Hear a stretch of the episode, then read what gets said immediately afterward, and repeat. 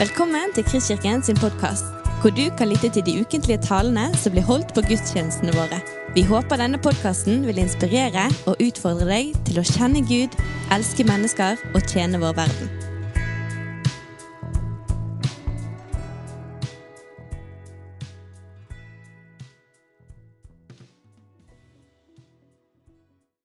Vi har en prekenserie nå hos oss som tar utgangspunkt i dette lille ordet 'hverandre'. Eh, dere som er gode i norsk, dere vet at dette er et resiprokt pronomen. Ordet 'hverandre'. Det betyr noe vi har oss imellom. Et vekselsforhold, et bytteforhold. Du gir, og du får. Og det er brukt over 200 ganger i Bibelen. Og Der vi er kommet nå i vår menighet, vi har hatt om å oppmuntre hverandre, og så har vi nylig hatt be for hverandre. Så sa jeg til Thomas kan ikke jeg få preke om det. Og så ser det jo ut som at det er en aktuell problemstilling, eh, kanskje mer enn noen gang, med den situasjonen vi har i verden og i Øst-Europa akkurat nå. Dette er jo en del av eh, det flotte ordet i Jakob 5, 16, der vi skal bekjenne synder for hverandre, og vi skal be for hverandre. Og Jeg tenker at dette er et av de fremste kjennemerkene på Guds folk. Det er et folk som ber for og med hverandre. Bønn det er noe av kristenlivets åndedrett, er det blitt kalt. Så det er ikke småtteri det vi snakker om her. Det er helt sentrale ting, det vi skal snakke om, å be for hverandre. For at dette ikke skal bli for teoretisk, så har jeg tenkt å hente frem tre bønneforbilder. Tre bibelske bønneforbilder som kan inspirere oss, som også kan lære oss noe om hva, hvordan ber vi for andre. Hvordan ber vi for hverandre? Og Da er det ingen tvil om at Paulus han var en tydelig forbeder, en aktiv forbeder. Og kan, Du har sikkert lagt merke til det, men han har skrevet 13 brev. Men ti av de brevene de innleder han med to kjerneord. Og det er takk og bønn. Og nå skal du få det i rask rekkefølge. Romane 1, 8-9. Først av alt takker jeg min Gud ved Jesus Kristus for dere alle. Jeg husker på dere i mine bønner. Takk og bønn. Andre kor 1. Også dere må hjelpe til ved å be for oss. Når mange ber, sier han, så vil takken stige opp. Efeserne 1. Jeg husker på dere i mine bønner. Filippane 1. I alle mine bønner ber jeg for dere, alle med glede. Fantastisk. Kolosserne 1, 3. Vi takker alltid Gud, vår Herre Jesus Kristi Far, når vi ber for dere. Første Tess 1. Vi takker alltid Gud for dere når vi husker på dere i våre bønner. Andre Tess 1. Vi må alltid takke Gud for dere. Derfor ber vi alltid for dere. Og så hørte vi det lest her tidligere. Jeg formaner dere fremfor alt til å bære frem bønn og påkallelse, forbønn og takk for alle mennesker. Dette er Guds gode vilje. Han som vil at alle mennesker skal bli frelst. Fra første Tim 2. Fra andre Tim jeg takker stadig for deg og husker på deg dag og natt i mine bønner til Gud. Og til slutt Filemon. Jeg takker alltid min Gud når jeg husker på deg i mine bønner. Er du i tvil? Paulus var en forbeder. Vi kjenner han først og fremst som, som Bibelens viktigste teolog, den første misjonær. Men under alt Paulus gjorde, så lå takken og bønnen. Han kunne ikke ha vært noe av det han var, han kunne ikke gjort noe av det han gjorde, hvis ikke alt var badet i bønn, tenker jeg. Og min, eh, Hvis jeg nå eh, ikke mister helt eh, pekingen her Der forsvant den lite grann. Min tese er ganske enkelt. Der det er lite bønn, så er det uttrykk for at vi greier oss sjøl. Der det er mye bønn, er det uttrykk for at vi er hjelpeløse uten Herren. Et av de største privilegiene når vi startet ny menighet i, eh, på Heimdal, Kredo frikirke, det var at den ble født ut av bønn. Noen i flokken vår begynte å be. Og De begynte ikke bare å be av og til, men de begynte å be hver dag. Og så når, vi, når eh, plantingen ble en virkelighet, så sa de vi kan jo ikke slutte nå. Det var mange som var pensjonister, det var mange som gikk på skift. Og så fortsatte man med daglige bønnemøter. Og Så kom korona, og så gikk det bare noen dager, så var bønnemøtene flyttet over på en nettplattform på Whereby. Så nå har vi seks bønnemøter i uken. Tre fysiske Nei, vi har sju bønnemøter. Vi har tre fysiske, og vi har fire på nett. Og på fredagene er det to bønnemøter. Først klokken ni til ti, og så er det ti til elleve i Nidarosdomen. Og jeg har vært klok nok til å holde fingrene fra fatet, så dette lever uten at jeg er innom og ser til. Det har vært kanskje noe av det viktigste jeg har som jeg er mest stolt av Kredo frikirke, at det er så mange som ber. Men vi ber først og fremst ut av hjelpeløshet. Herre, hvis vi skal bygge denne menigheten, så må du være bygningsmann. Og Vi ser det i Paulus sitt liv. Det var mye bønn. Og det var ikke fordi at han var så dyktig i alt mulig.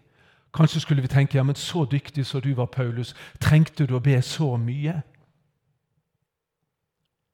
Så visste han at hvis ikke Herren er drivkraften, hvis ikke Herren gjør verket, hvis ikke Herren som forvandler hjertene, bygger menigheten, ja, så er det bare pusler i det vi driver med.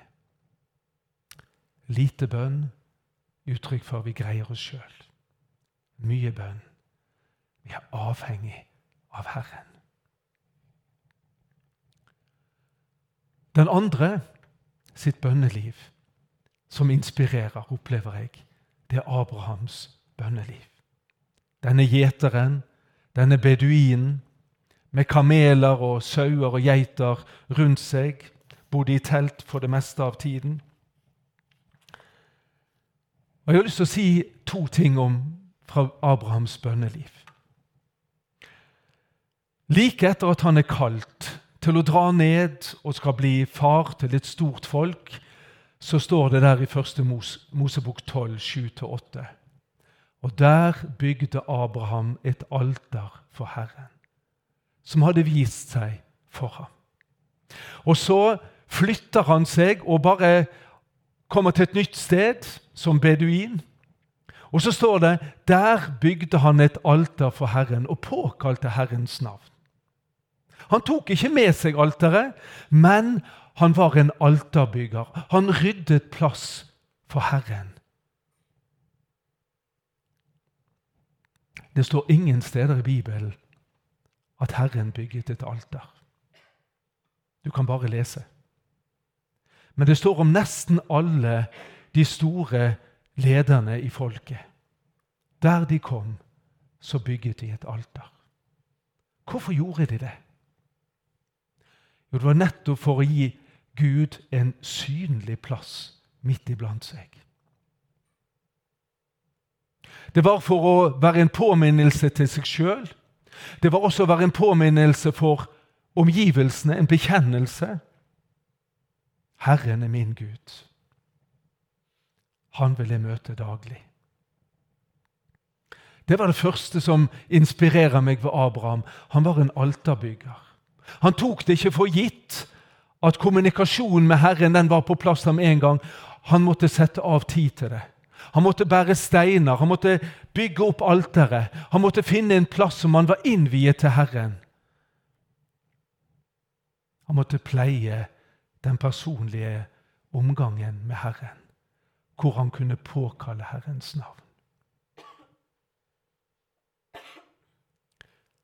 Det er ingen som rydder den plassen for Herren i ditt liv. Du kan ikke skylde på Håvard eller Thomas eller Eldsteråd om det ikke fungerer. Abraham kunne ikke skylde på Sara eller noen andre hvis alteret ikke ble reist. Det var hans oppgave. Det er din oppgave. Vær en alterbygger. Rydde plass for Herren i ditt liv. Vanskeligst er det, tenker jeg ofte, for småbarnsforeldre. Vi skal ikke gi dem dårlig samvittighet. Men å rydde plass for Herren betyr ofte at du må rydde noe annet til side. Og fastetiden, som vi har hørt der nå, kan være en fantastisk mulighet. Det er den ene siden ved Abraham sitt bønneliv som inspirerer meg. Den neste det var det du kan lese om i 1. Mosebok 18. Der Herren gjestet Abraham. Det kommer tre menn. Når det står 'Herren', så tenker vi kanskje at det er Gud sjøl som besøker han. Vi vet ikke det, eller om det er uttrykk for det at det er Herren som kommer der ved sine engler. Men han vet i hvert fall at han har et stor, fint, hellig besøk. Og så leser vi om dette at når han får besøk, så bønnfaller Abraham de om at de må stanse. Han eh, skyver de bort til Eikelunden, får de til å finne en skyggefull plass der. Sjøl er Abraham kommet ut av teltåpningen der han satt når de kom. Han gir beskjed til eh, Sara Finne frem bakstetrauet, finne alle oppskriftene, hent melet, sett på deigen. Og så står det at han sprang for å slakte en kalv. Og jeg tenker 99 år å løpe. Greier du å se for deg det bildet der? På joggetur? Men det står at han sprang. Jeg vet ikke hvorfor han gjorde det. Jeg tenkte Kanskje var det et eller annet adrenalinkick han fikk av det flotte besøket. Men det står at han sprang, og det syns jeg er litt morsomt. Han var litt stresset, og det var dette vertskapet. Skynd deg, Sara, ikke så treg. Få på, få på bålet her nå. Vi, må, vi, må, vi har storfint besøk. Og så står det at de serverer maten og Abraham står og ser på. Sånn som det kan være med gjestfriheten i enkelte land. Da gir man det beste til gjestene, og så står man og ser på. Og gjestene kan føle det litt pinlig. Hvorfor det skal ikke dere spise med meg? Nei, vi har gitt alt vi har til deg.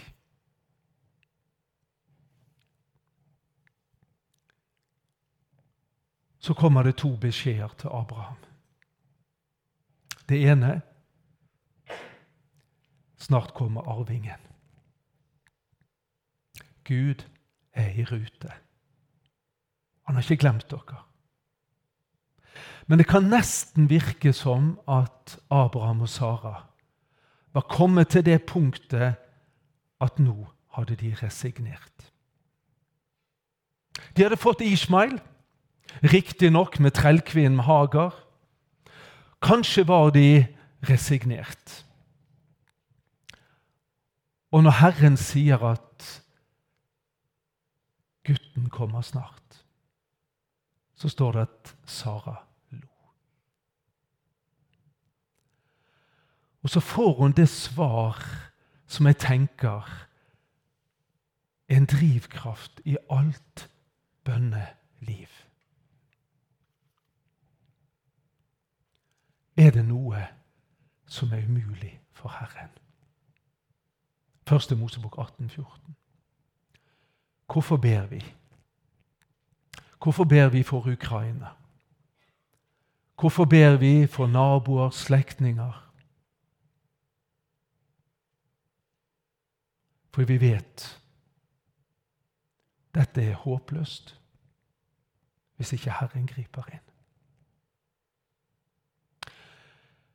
Og kanskje trengte både Sara og Abraham å høre dette er noe umulig for Herren. Også med tanke på det som han skulle få høre like etterpå. Er det kanskje noe av dette du trenger i ditt liv? Er det noe som er umulig for Herren?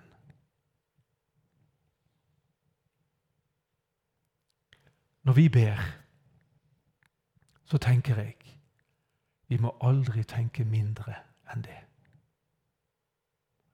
Vi ber til en Gud som ingenting er umulig for. Vi skjønner han ikke når svaret uteblir. Men vi ber til Gud i tro at ingenting er umulig for Herren.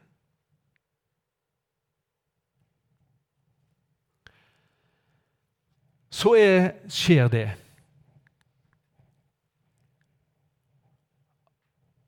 at Abraham får vite at disse folkene skal dra videre nedover mot eh, Dødehavet. Så står det at mennene brøt opp derfra og vendte blikket mot Sodoma. Abraham gikk med for å se dem vel av, av gårde. Da tenkte Herren Og det som kommer nå, er så nydelig og fantastisk. Gud har en dialog med seg sjøl. Og så resonnerer han og tenker skulle jeg skjule for Abraham hva jeg vil gjøre? Abraham skal jo bli et stort og mektig folk, og i ham skal alle folkeslag på jorden velsignes. Jeg har utvalgt ham for at han skal pålegge sine sønner og etterkommere å holde seg til Herrens vei og gjøre det som er rett og rettferdig. Da kan Herren la Abraham få det han har lovet ham. Skulle jeg skjule for Abraham hva jeg vil gjøre? Noen ganger så velger Gud å ikke skjule for deg hva han har tenkt å gjøre. Når han gir deg en minnelse Det trenger ikke å være en profetisk ord, men når han gir deg en minnelse Et menneske du skal be for, et menneske du skal besøke, et menneske du skal gjøre noe for så er det også uttrykk for av det samme at nå vil jeg avdekke for deg hva jeg har tenkt å gjøre. Og jeg vil bruke deg. Jeg vil involvere deg. Tenk at universets skaper og herre velger å dele sine planer med en gjeter, en beduin. Fantastisk. Og Herren sa, Høyt er klageropet over Sodoma og Gomorra, for synden der er svært stor. Klageropet har nådd meg. Nå vil jeg stige og se ned om de virkelig har handlet så ille, og hvis ikke vil jeg vite det. Andre menneskers nød berører Gud. Også nøden til de menneskene som ikke kjenner Herren. Kanskje mye mer enn det griper oss. Klageropet når opp. Kanskje de som ikke vet hvem de klager til, men klageropet hadde nådd opp til Herren. Så gikk mennene derfra. De tok veien mot Sodoma. Men Abraham ble stående for Herrens ansikt. Jeg ser for meg at Abraham var lamslått. Idet han hører at Gud har tenkt å besøke Sodoma og Gomorra, så tenker han aldri i verden, det må ikke du finne på. Det er så mye ondskap der. Det er så mye galskap. Det er så mye synd. Det er så mye umoral. Jeg ser for meg at Abraham kanskje ble forskrekket. Det vekket en nød i han. Gud, de kommer ikke til å overleve et øyeblikk. Idet du kommer inn byporten, så har ikke de nubbesjans. Med mindre du griper inn. Og så blir han stående, står det først, for Guds ansikt. Kanskje paralysert. Og så står det utrolig nok at han gikk nærmere. Når han har møtt Guds hellighet, så tenker vi da trekker du deg tilbake igjen. sant? Oi, hvem er vel jeg? Og så finner du en plass langt her bak. Men Abraham reagerte annerledes. For han opplevde at Gud hadde delt hjertet sitt med han. Sin nød for hva som skjedde i disse to byene. Og Det gjorde at han vågde å stå, men det gjorde også at han vågde å litt nærmere. Litt nærmere. Og så tør han det nesten ingen av de bibelske personene tør. Han begynner å forhandle med Gud. Eva og Adam gjorde det aldri. Noah gjorde det aldri. Abraham gjør? Er det fordi at han er dum? Er det fordi at han er modig? Eller er det fordi at han har begynt å kjenne Herren? For han sier nemlig vil du virkelig rive bort de rettferdige med de urettferdige? Og så legger han til Kanskje finnes det 50 rettferdige i byen. Vil du likevel rive dem bort? Vil du ikke bære over med stedet på grunn av de 50 rettferdige som er der? Og så er det akkurat som at han nesten vil sette Gud på plass. Det ligner ikke deg å gjøre noe sånt. Det er ikke sånn jeg har lært å kjenne deg i de årene jeg har vandret her i ørkenen med deg. Og la rettferdige dø sammen med urettferdige. Skal det gå den rettferdige på samme måte som urettferdige? Nei, det ligner ikke deg, Gud.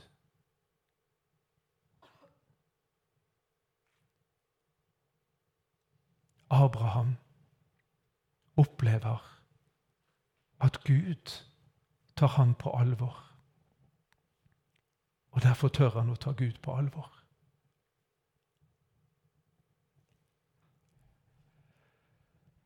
Og så vet vi at han teller ned. Det ligner ikke deg. Må ikke hele jordens dommer gjøre det som er rett der? Da sa Herren, finner jeg 50 rettferdige Sodoma, vil jeg bære over med hele stedet for deres skyld. Jeg hørte at dere har hatt en serie nå som heter eh, Lys og salt, eller Dere er jordens salt og verdens lys.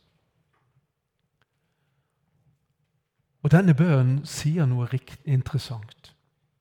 Finnes det 50 rettferdige.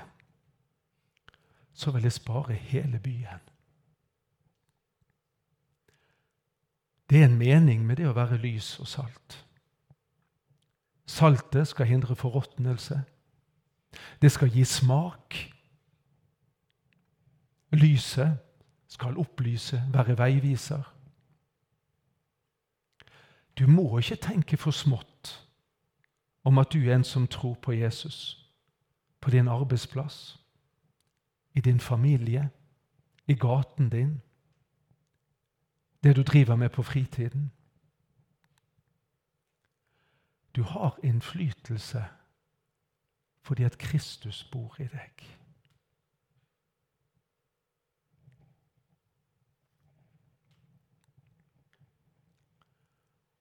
Så ser vi at Abraham han begynner å forhandle. Hvis det mangler ti stykker på de 50, hvis det mangler ti stykker på de 40 hvis det mangler ti stykker på de 30, hvis det mangler ti stykker på de 20 Hvis det mangler Hvis det er bare ti rettferdige, så svarer Gud, så vil jeg likevel spare byen. Vi vet ikke hvorfor Abraham stoppet med ti. Kanskje tok han et raskt overslag, tenkte gjennom hvem han kjente der, og kanskje han tenkte ti da er vi på sikker grunn. Før så har jeg tenkt at han vågde ikke mer. Men jeg har tenkt kanskje mer. Han trodde han var på sikker grunn.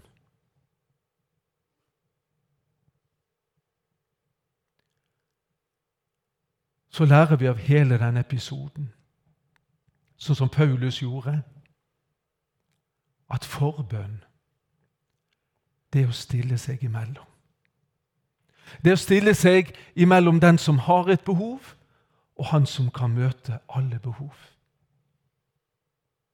Skulle noe være umulig for Herren? Og Det er så befriende, for av og til tror jo vi at det er våre bønner som er så uh, velformulerte, og at det er hvordan vi ordlegger oss og allting. Nei, Herren ser ut til å bare ønske Er det noen som kan stå her? Tale på deres vegne til meg. Vil du være en sånn Abraham? Stille deg imellom. De som ikke vet hvem som kan møte behovene, og han som vet om alle behovene.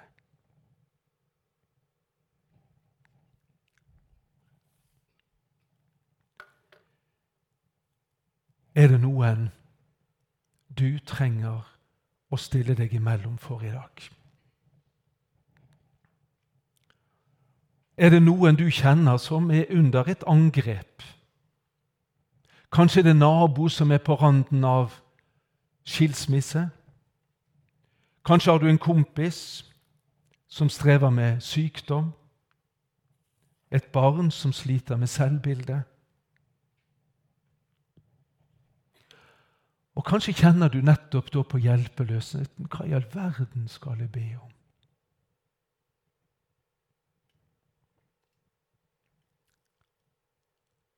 Det står ikke at Abraham sier så mye. Han bare sier, 'Gud, vil du spare de rettferdige?' sier han egentlig.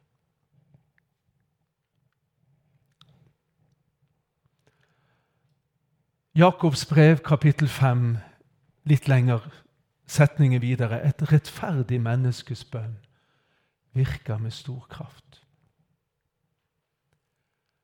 Du og jeg møter daglige behov i våre egne liv og i andres liv. Hvorfor ikke gjøre alle behov om til bønn? Når jeg har hatt mennesker til sjelesorg, og de sitter der og har brettet ut livet sitt, så spør jeg har du snakket med Gud om dette. Nei, det har ikke jeg snakka med deg om det. Ja, Men jeg tror du skal gå litt høyere opp.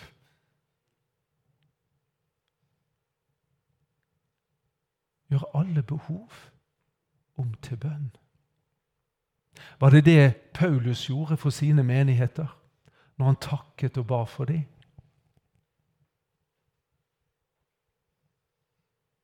For en frihet!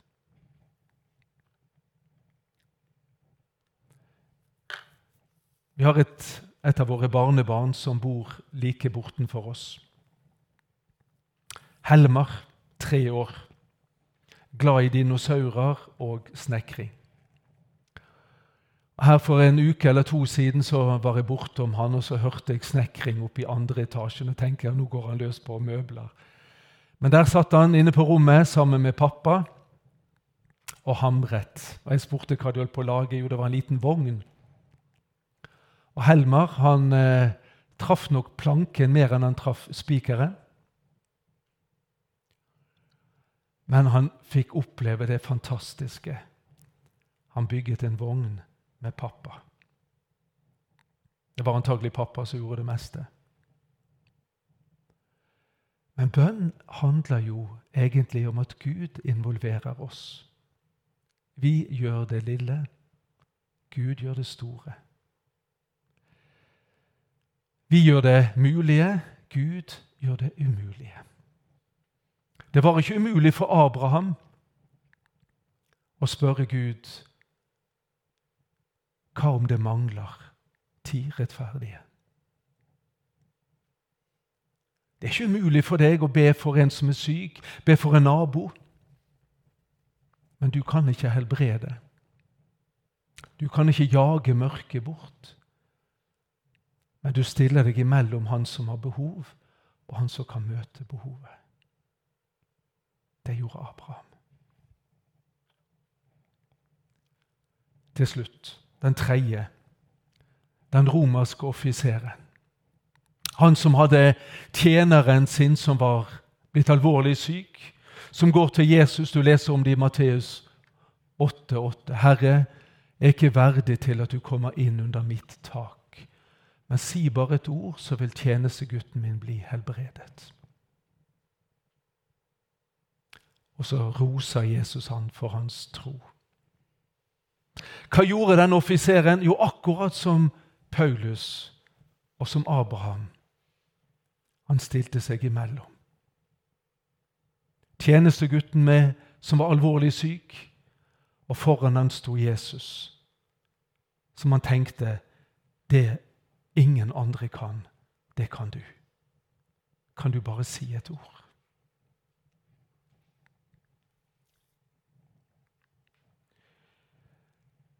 Jeg tenker til Nå er det avrunding her. At gjennom dagen så møter vi mennesker med mange ulike behov.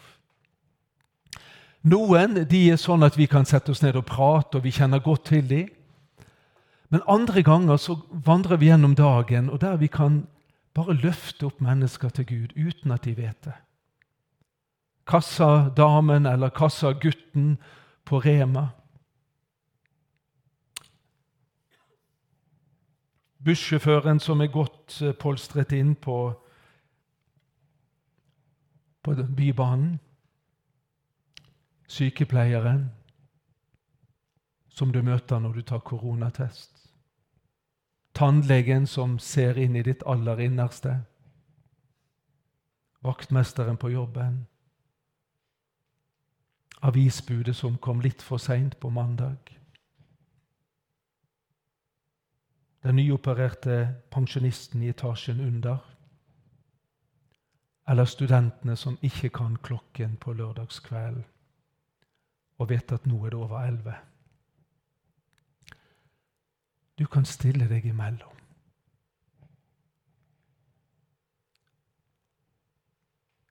Skal vi se om vi får de siste her.